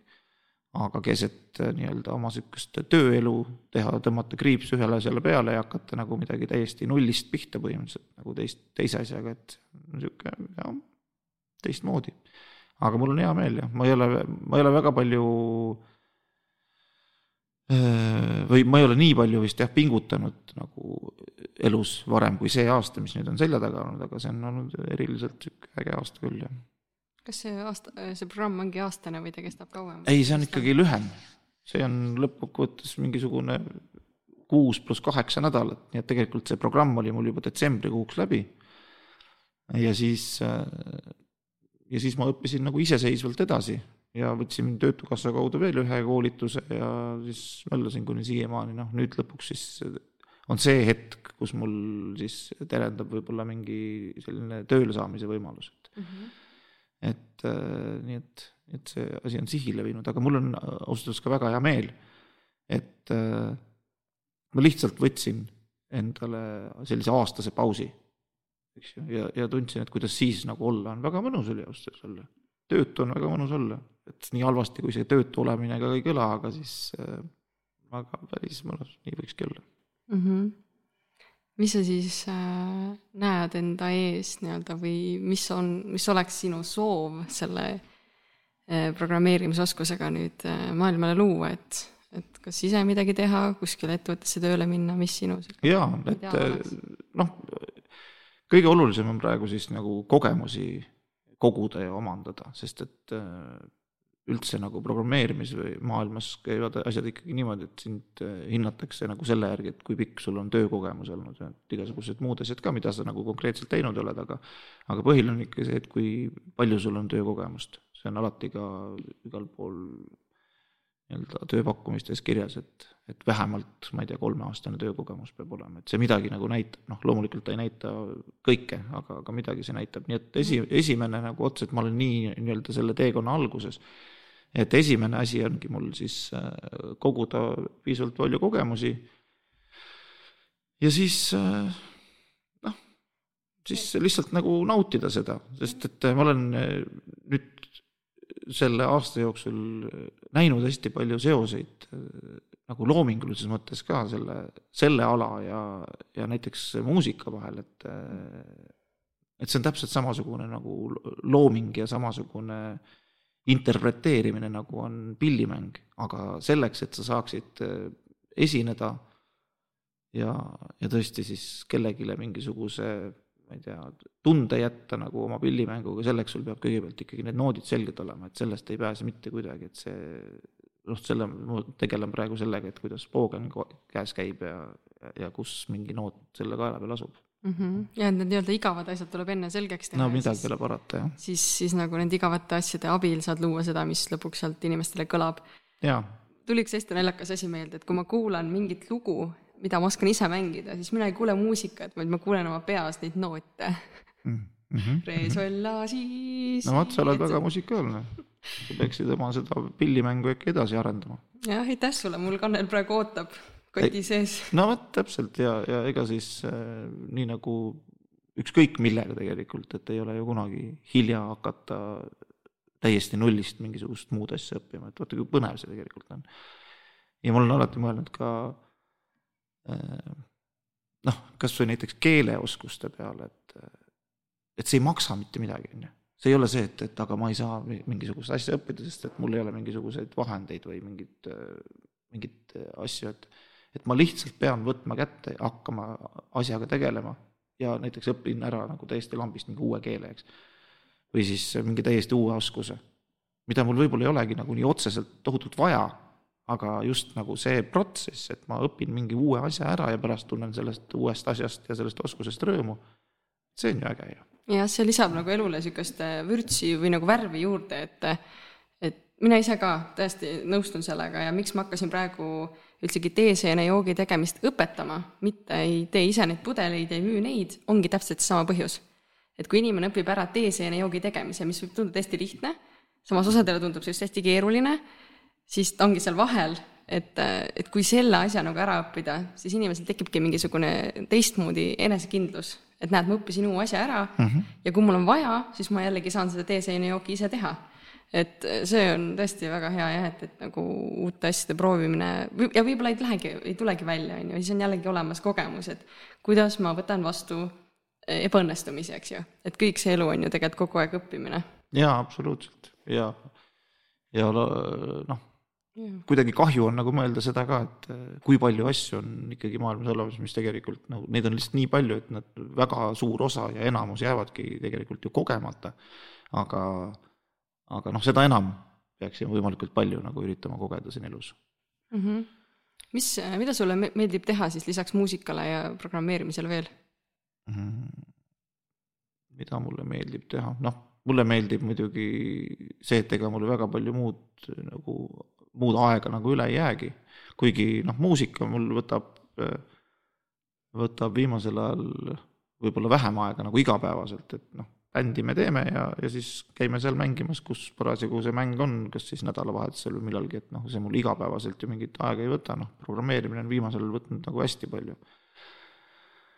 aga, aga mulle meeldivad kõige rohkem need asjad, mida ma ei tee, mis on nagu huvitav paradoks ja mille peale ma mõtlen, et mingil hetkel ma hakkan kindlasti rohkem nende asjadega tegelema, näiteks et mulle tohutult meeldib lugeda mis ei tähenda seda, et ma nagu üldsegi äh, hästi palju loeks, aga ma kogu aeg unistan sellest.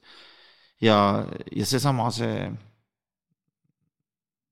seesama see nagu karjääripööre või siis nagu see elupööre või, või tööpööre, et see on ka tegelikult nagu vaade natuke tulevikku, et ma saaksin rohkem aega ja rohkem äh, nagu selliseid hetki, kus ma saan tegeleda nende asjadega, mis mulle ka veel, veel meeldivad ja millega ma veel tahaks tegeleda, ma tahaks näiteks purjetada.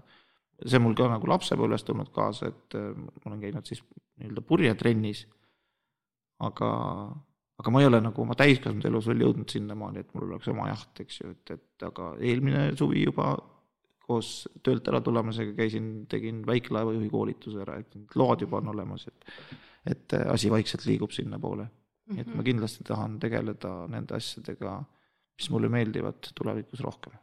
Mhm. jah, see on jumala aus. ma valmistan pinnast nagu ette selleks. just, just, et niimoodi tasapisi, et ja kui ükskord on see õige aeg, siis tulebki niimoodi, et kõik nagu sujub mm, -hmm, eks ju mm. -hmm. väga äge yeah.. äge kuulda, Ahto äh,. millal sa siis esimest korda raadiostuudios ise saadet tegid? See oli, aasta oli kaks tuhat neli. Ja, ja ega minu raadiosse jõudmine oli ka jälle selline nagu, ei olnud mingisugust pikaaegset unistust, lihtsalt ma nägin kuskil ajalehes oli, oli teade, et Raadio Elmar otsib äh, uusi raadio- või eetrihääli. siis ma saatsin oma selle, ma ei mäleta, mis seal saata tuli, oma hääle mingi näidis vist ja, ja oma mingi CV ja siis, siis läks tohutult kaua läks aega, Ove Petersel oli siis veel Elmari peatoimetaja, metsikult kaua läks aega, siis ma lõpuks võtsin ise ühendust.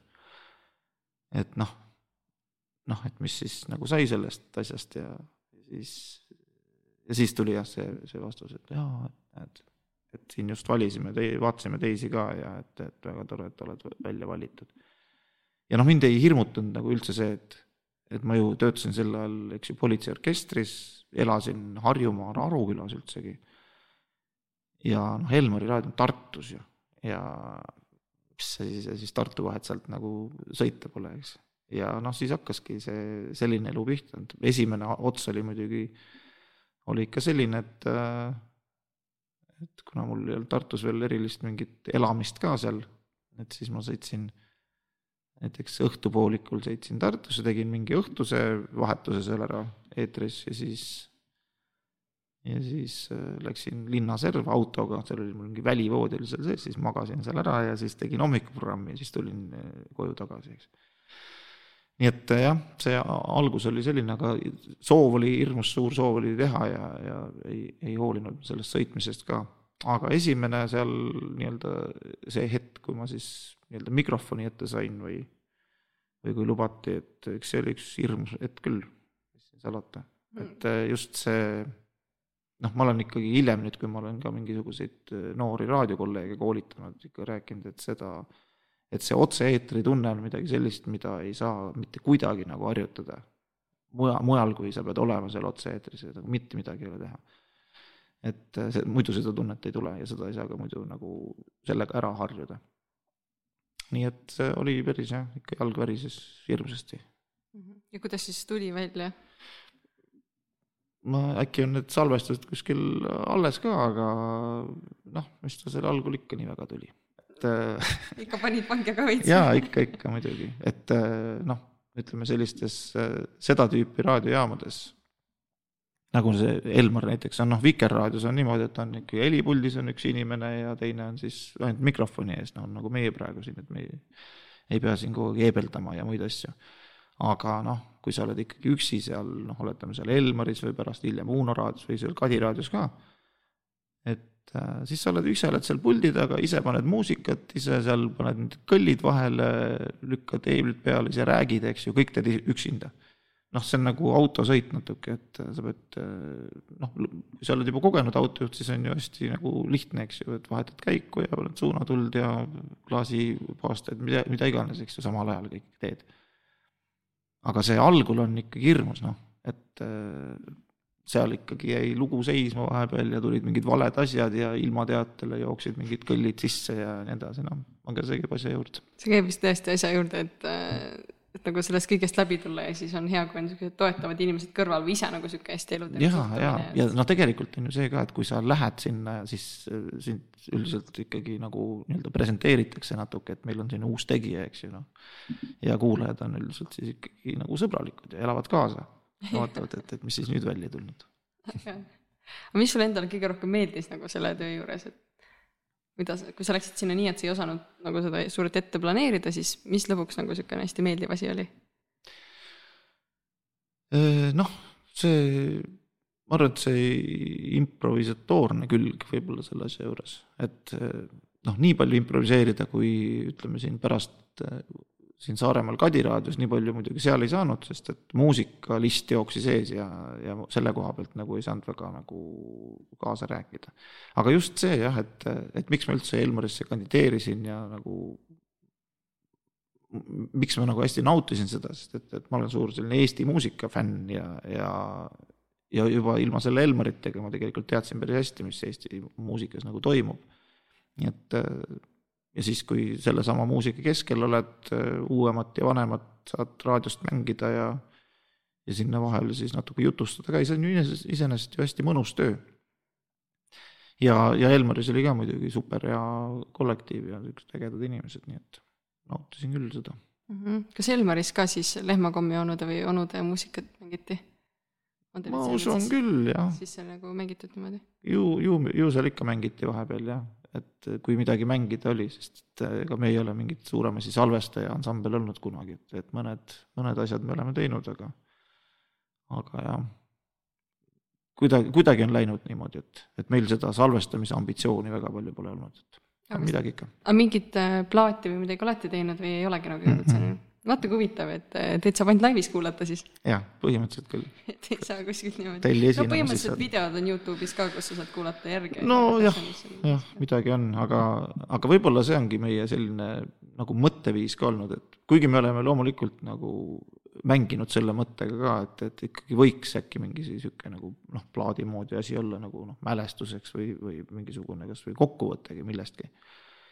Eh, siis eh, kuna me oleme nagu kuidagi ennast pidanud siis selliseks nii-öelda live-komplektiks, et seal ei ole ainult see, ainult need laulud, vaid on ka kogu see, mis, mis nagu laivis nagu muidu toimub lava peal, et et seda esiteks on plaadi peale kuidagi nagu keeruline panna. ja teiseks on see, et me ju põhiliselt ikkagi oleme nagu cover bänd. ja no mis asja sa paned siis neid jälle, jälle samu lugusid nagu jälle oma mingit versiooni siin plaadi peal, et me pole nagu sellega mõtet näinud. Aga see on hästi mõnus, kui noh, ongi mingid lood, mida inimesed juba teavad, nagu natuke teises kuues ja natuke no, teises esituses, et seda kindlasti inimesed naudivad. no võib-olla tõesti, võib-olla me kunagi jõuame selleni, siis kui viiskümmend saame, siis jah, just. sinna polegi palju minna. Jah, üle poole on juba käidud, nii et aga kuidas, kas praegu ka siis äh, onud on selline Saaremaa, Saaremaal nii-öelda põhinev bänd või on ta mandril või on, on ta nagu kombo, et kuidas te nagu neid äh, vanu liikmeid olete hoidnud, et kes nendest veel alles on? no tegelikkusest äh, jah, Koit ja mina siit Saaremaalt oleme ikkagi alles ja teised tegelikult meil noh, ongi, põhimõtteliselt ongi üks liige tegelikult vahetunud, äh, Martin Õu, kes siis mõned aastad tagasi otsustas teist rada minna ja siis me võtsime tema asemele ühe klahvpillimängija, kes on ka tegelikult Saaremaaga seotud, aga ta ei ole küll saarlane. et äh, meil on niisugune bänd, et äh, kaks meest on Saaremaal, üks on Pärnumaal, üks on Elvas ja üks on siis Harjumaal. ja siis sõltuvalt, kus kohas mäng on, siis kas rõõmustab siis Lõuna-Eesti mees või rõõmustab, rõõmustab Pärnu mees või saarlased või, või kes iganes mm. -hmm. Ida-Virumaa üle ei rõõmusta peaaegu mitte keegi, et siis on kõigil palju sõita. sinna tuleb iga, sinna peab igaüks sõitma, jah. aga, aga siis üle Eesti praegu käite ja teete, jah? ja, ja, ja, ja noh, nüüd jälle peale neid kahte aastat, mis siin niisugune natuke vaiksemad olid, et nüüd siis on see suvi oli jälle niisugune eriti mõnus ja töine, et, et väga hästi, et mm. -hmm et praegu ei ole küll sihuke, sihukest tunnet, et nüüd, äh, et äkki aitab ka. ikka nagu vahepeal oli hea sihuke väikene. eks ta oli huvitav jah, et algul oli eriti huvitav, kui see koroonaaeg tuli ja siis järsku nagu avastad, et reede õhtul oled kodus, et väga imelik, et mis sa nüüd, mida ma nüüd teen siin. aga sellega harjus ära ja siis, kui tuli jälle hakata reede õhtul bändimängule minema, siis juba oli see, et hästi ei viitsiks ka, et yeah ja see öine rütm oli ka kuidagi seest läinud, et siis olid ikka mitu päeva pärast väsinud mm. -hmm. aga noh, nüüd see suvi oli juba paras selline äh, noh, graafik oli juba selline, et nüüd sai selle rütmi sisse tagasi, et. mis sulle endale selle tegemise juures ikkagi kõige rohkem meeldib? selle bändi tegemise juures yeah.?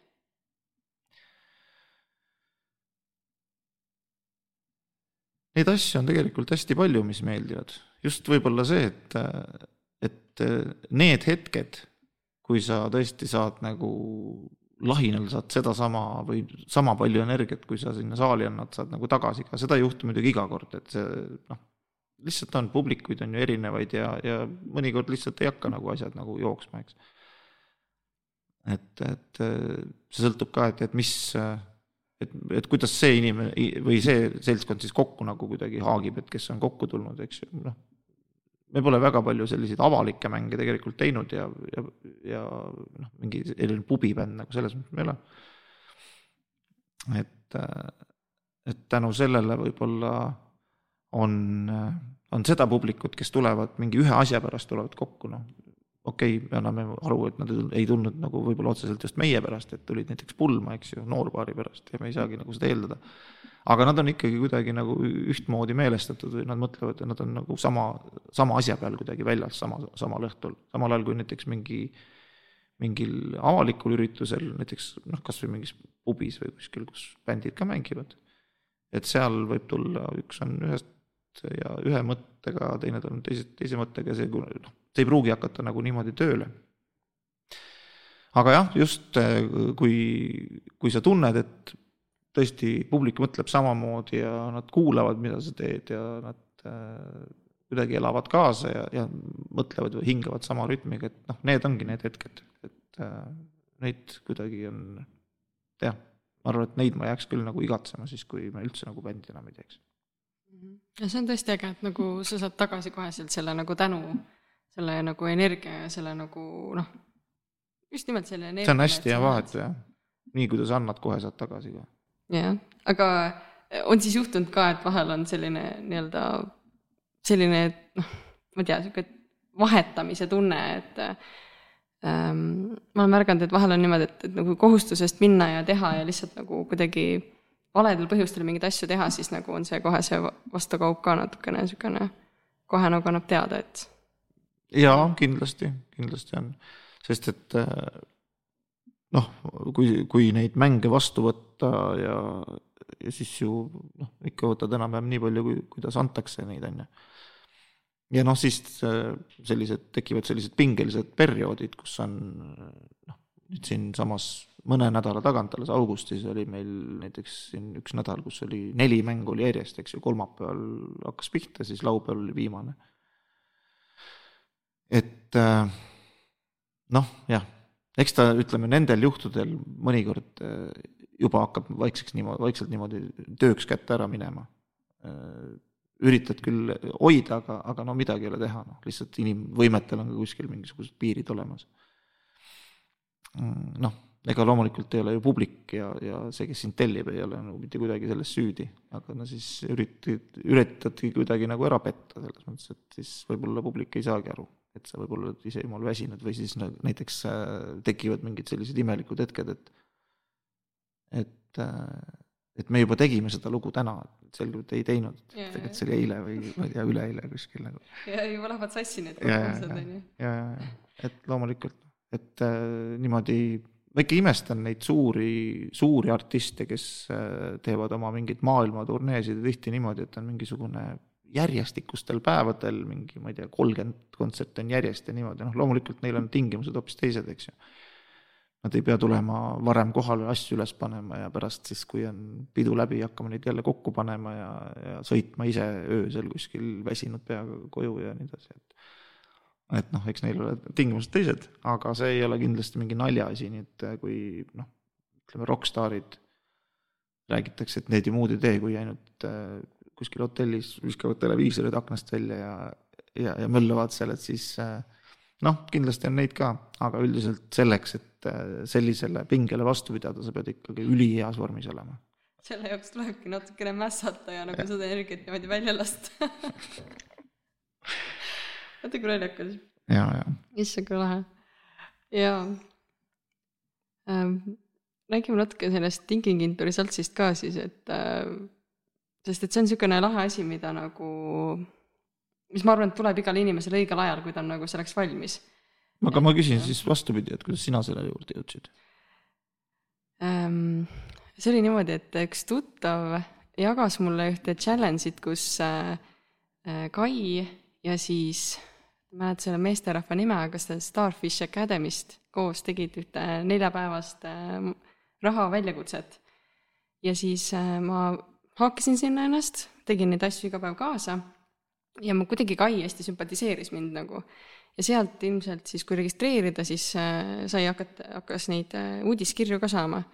ja Kai kirjutab ju päris tihti ja nagu niisugustel asjalikel teemadel ja siis äh, seal all on kirjas, et broneeri mingi tasuta konsultatsioon minuga või nagu vestlus. siis ma mingi, noh, mõned kirjad olin saanud ja mõtlesingi, et ma ei tea, kes on Kai, ma ei tea, mida ma temaga räägin, aga ma vajutan selle noh, et broneeri, eks ju. et need on need hetked elus, kus ma leian, et ma ei mõtle, aga siis lõpuks need on nagu hästi õiged, et see on nagu täiesti teises ajusageduses, et nagu need on nii olulised asjad, et ma ei tohigi seal mõelda üle. ja siis ma olin Tartus ja meil oli see kõneaeg käes, siis ma telefonis umbes rääkisin ja ja siis ta nagu, me lihtsalt rääkisime, mis ma nagu teen ja nii edasi. meil oli mõeldud pool tundi, aga siis Kai nagu rääkis, mis ta teeb ja see Thinking into Results. Ja siis ma nagu ei teadnud, mis asi see on, ma ei teadnud, mis asi on Bob Proctor, ma ei teadnud äh, nagu üldse, mis asi see on, aga ma ütlesin jah, ma tulen. et ma tulen sinna, vaata ja siis, äh, ja siis, ja siis, äh, siis tuli hakata mõtlema, et kus siis see raha kokku saada ja kuidas sinna minna ja kuidas seda asja teha.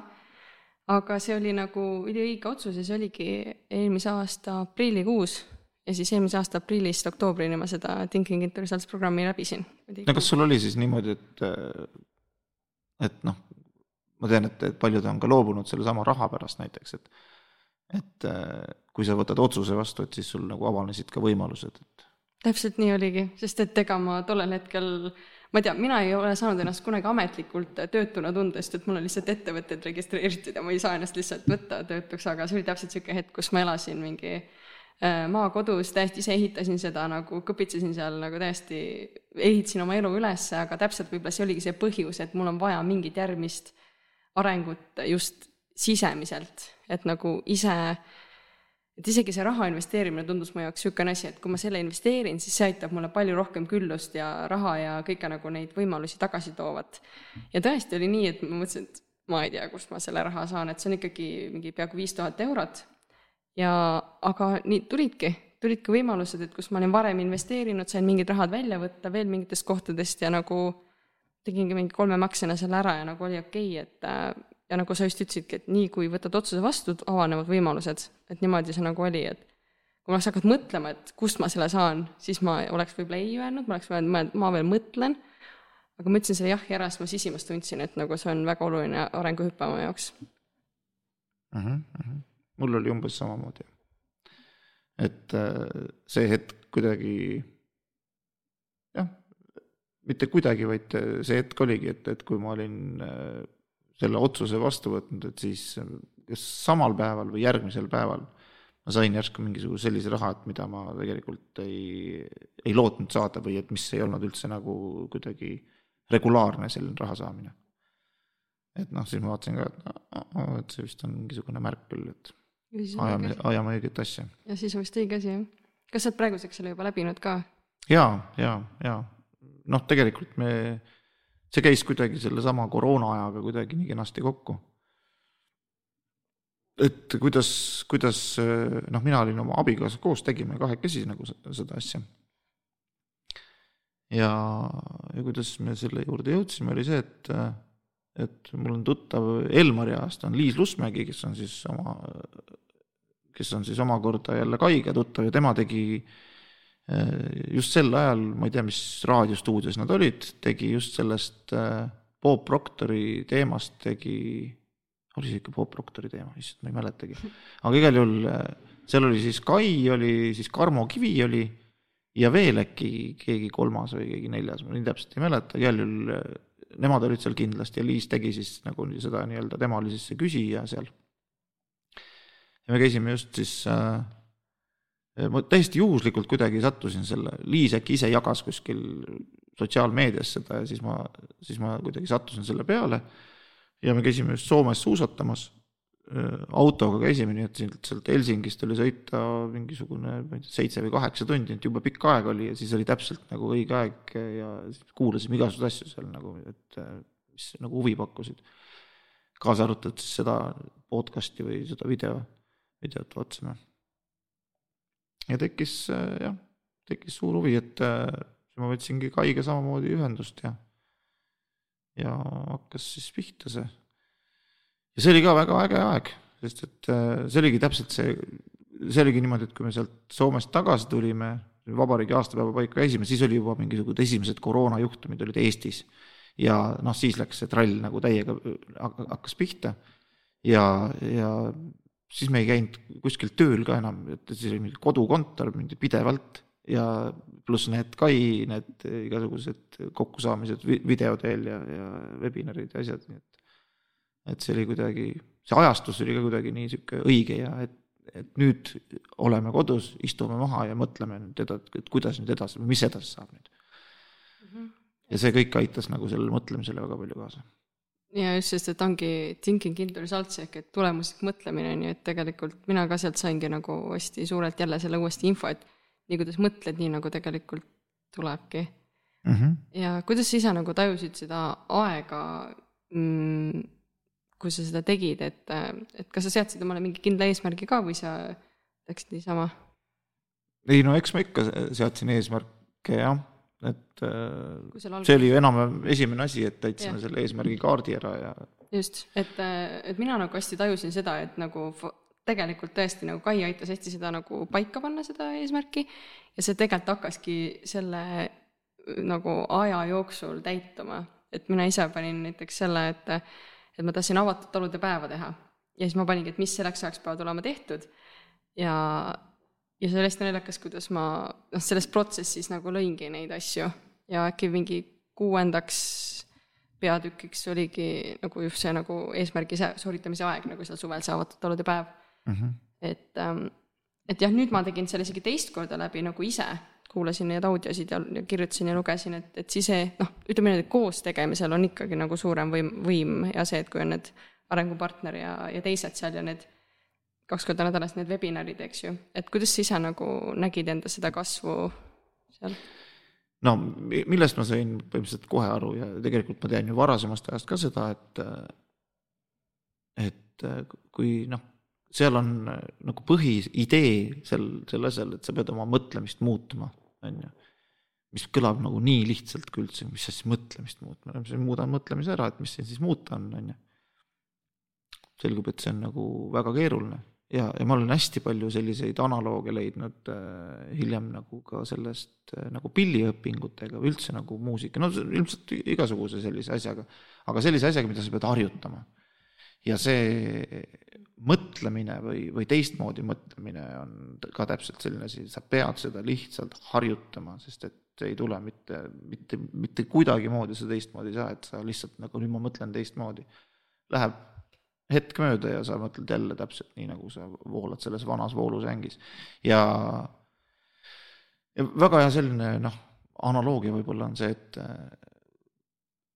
ma ei, ma isegi ei mäleta, kus ma seda mõtet kuulsin, aga see nagu tundub nii loogiline ja, ja kui sa paned oma aju sinna võib-olla kõrvale, eks ju, et, et siis noh, kui sa kujutad mingisugust sellist mäge ette nagu kivist mäge, kust ülevalt sa vala, valad mingisugust vett, eks ju kus on need voolusängid sees.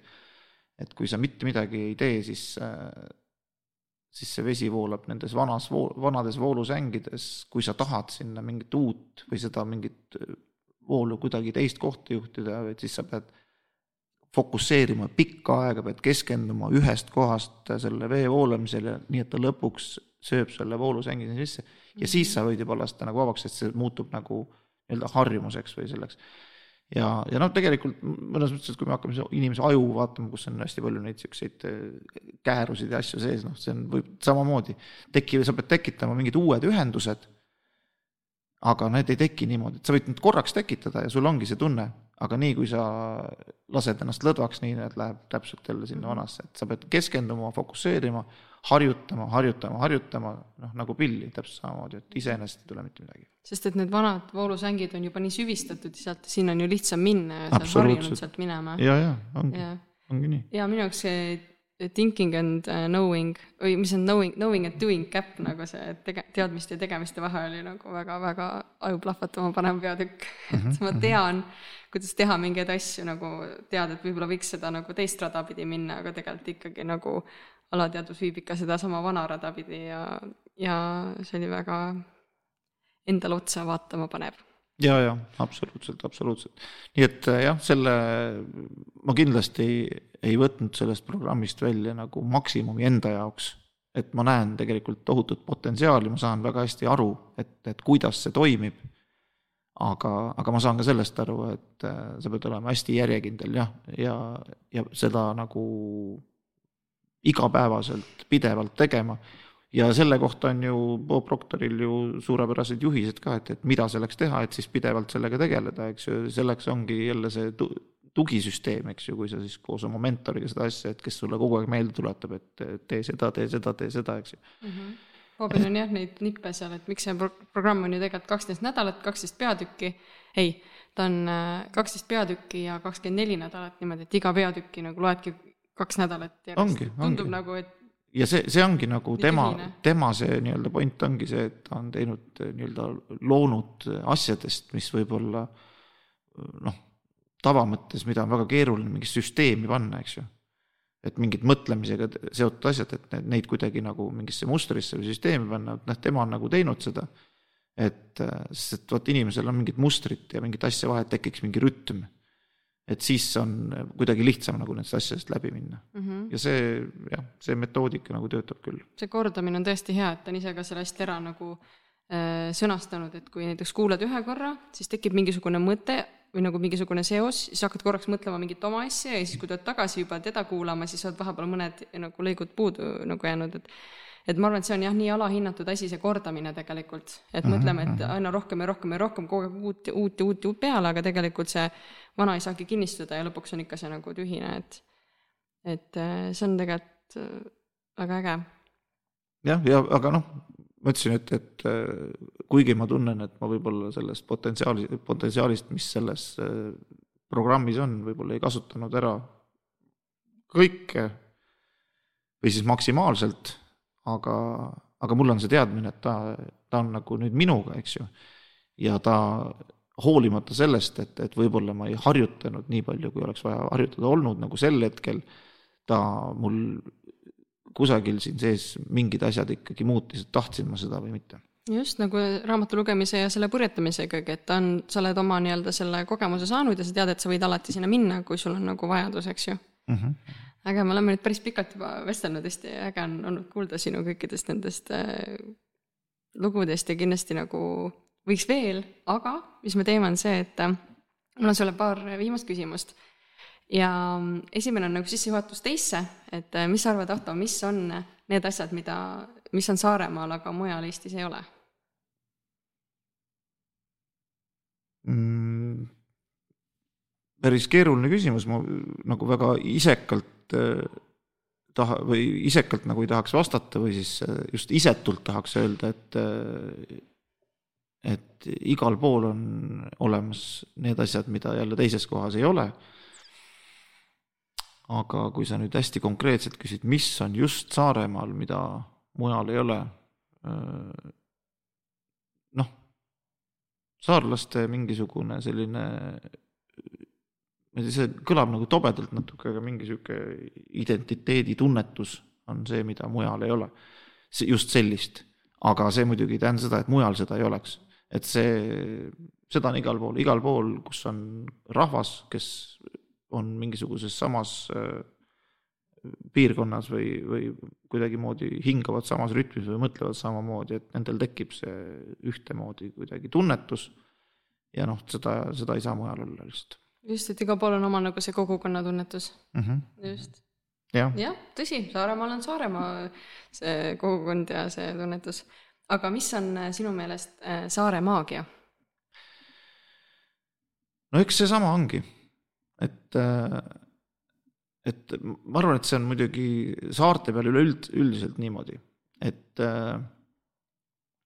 et kuna see inimeste selline noh, ma ei tea, kas on mingi parem väljend selle identiteeditunnetuse kohta olemas, aga noh, saad aru, mis ma mõtlen, et kuna saarte peal on piirkond ikkagi hästi konkreetselt piiritletud merega, siis see, see identiteet ei saa ära lahustuda mm, -hmm. üle piiri minna kuidagimoodi, sest et sellist piiri, kuhu ta lahustaks, sellist ei ole. ja tänu sellele on see koondunud ja, ja kasvanud aja jooksul nagu hästi tugevaks, see selline ühine mingi ühise energia. ja sellepärast võib-olla on ka, et noh, seda võibki nimetada nagu selleks saare maagiaks. et äh, inimene, kes tuleb siia väljaspoolt äh,, ta tunneb, et siin on kuidagi teistmoodi olla, et need inimesed on kuidagi teistmoodi. Need, kes tulevad siia elama, ma olen päris mitu korda kuulnud, et inimesed, kes on väljaspoolt siia tulnud sisse ütlevad, et noh, sa, et nad ei võta, et saarlased ei võta kedagi omaks. et, et sa pead ikka hästi kaua nagu olema. et ma arvan, et tegelikult see ei ole niimoodi, et, et saarlased ei võta kedagi omaks, et pigem on see, et selle sellise ühtemoodi mõtlemise või tunnetusega on lihtsalt väljaspool tulijal nagu võib-olla raske kuidagi nagu samastuda või, või raske hakkama saada. et, et sa tunned ennast ikkagi natuke võõrana. Lihtsalt, et kuna sa lihtsalt ei, sa ei ole selles nagu energia väljas nii-öelda. et see ei ole kellegi nagu niimoodi teadlik või tahtlik selline, et, et me ei võta sind vastu, sest sa tulid väljastpoolt. aga see, aga see võib kuidagi tekitada sellise tunde sealt väljaspoolt tulijas. just, et võib-olla see väljaspoolt tulija ei oskagi, nagu sa ütlesid, just ei oskagi nüüd hästi samastuda ja tal jääbki tunne, et nüüd mind ei ole sellepärast vastu võetud, Mhm. on ju. jah, jah, väga hea, jah, ma ise olen ka sisse tulnud ja nagu ma leian, et ma küsisin seda ka muide, kui ma siin hakkasin tutvuma inimestega, et kas on tõesti nii, aga mulle öeldi, et kui sa oled ise normaalne, siis on igaüks sinuga normaalne ja kui sa nagu ise sulandud niimoodi, et sa ei ürita kõike mingi parandada või nagu mingit, nagu siin tule maailma parandama siin Saaremaal või saart parandama, siis on nagu kõik väga viisakad sinuga ja ja, ja, see on igal pool ju niimoodi, et ninatarku ju väga ei säilita, eks ju. ja, ja, ja ma, ma selles mõttes, et jah, et nimetame seda siis Saare maagiaks. aga ma usun, et täpselt sama asi on ka Hiiu maagia ja ma ei tea, Muhu maagia või siis ma ei tea, kasvõi Ruhnu maagiaga. jah, või, või siis üldsegi nagu ütlesid, kogukonnad ka, et on setomaagia ja on nagu mm -hmm. see Ida-Võlumaa ja kõik asjad on ju, et. ja, ja aga mis, mis käib selle Saare maagiaga muidugi kaasas, on see selline äh, või selle, selle nagu tunnetusega kaasas on muidugi selline uhkuse tunne, et seda ma nagu näen küll saarlaste puhul, et et ma ei ole küll kohanud, et keegi oleks nagu häbenenud seda, et ma olen Saaremaalt kuidagi, et pigem vastupidi, et tuntakse selle üle uhkust. jah, et miks see nii on, vot ei tea. sest et, sest et tegelikult on ju, kui hakata nagu hästi üldiselt mõtlema, et see on koht nagu iga teinegi, on ju. Aga, aga jah võib-olla just see, et, et saarlased tunnevad ennast kuidagi eriliselt, on aidanud siis neil kuidagi nagu ka hakkama saada või ellu jääda, ma ei, ma ei teagi, miks. aga see ei ole kindlasti mingi ülbus.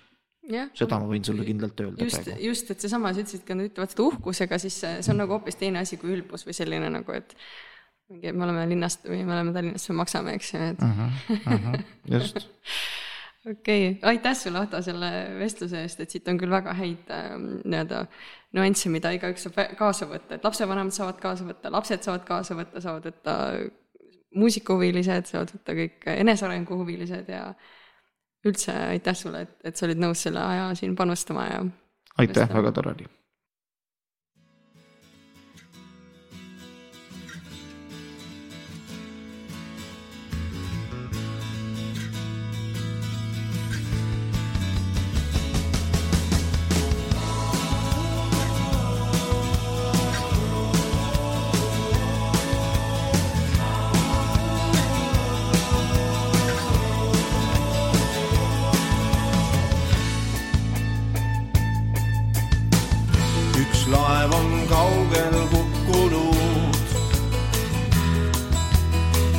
Ja ainus madrus pääsenud. elab seal väikses urtsikus tähtede all. elab ja ootab aastast aastasse.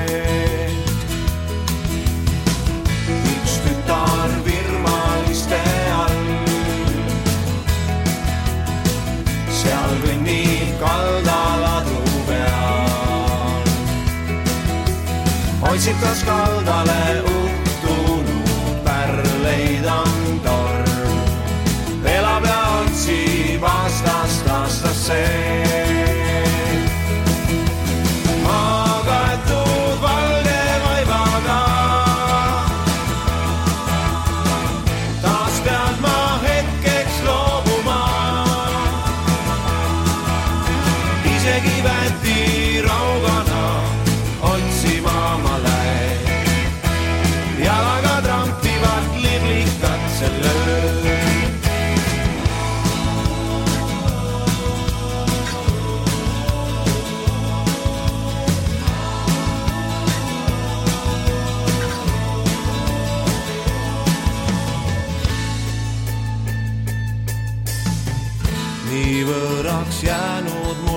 saa.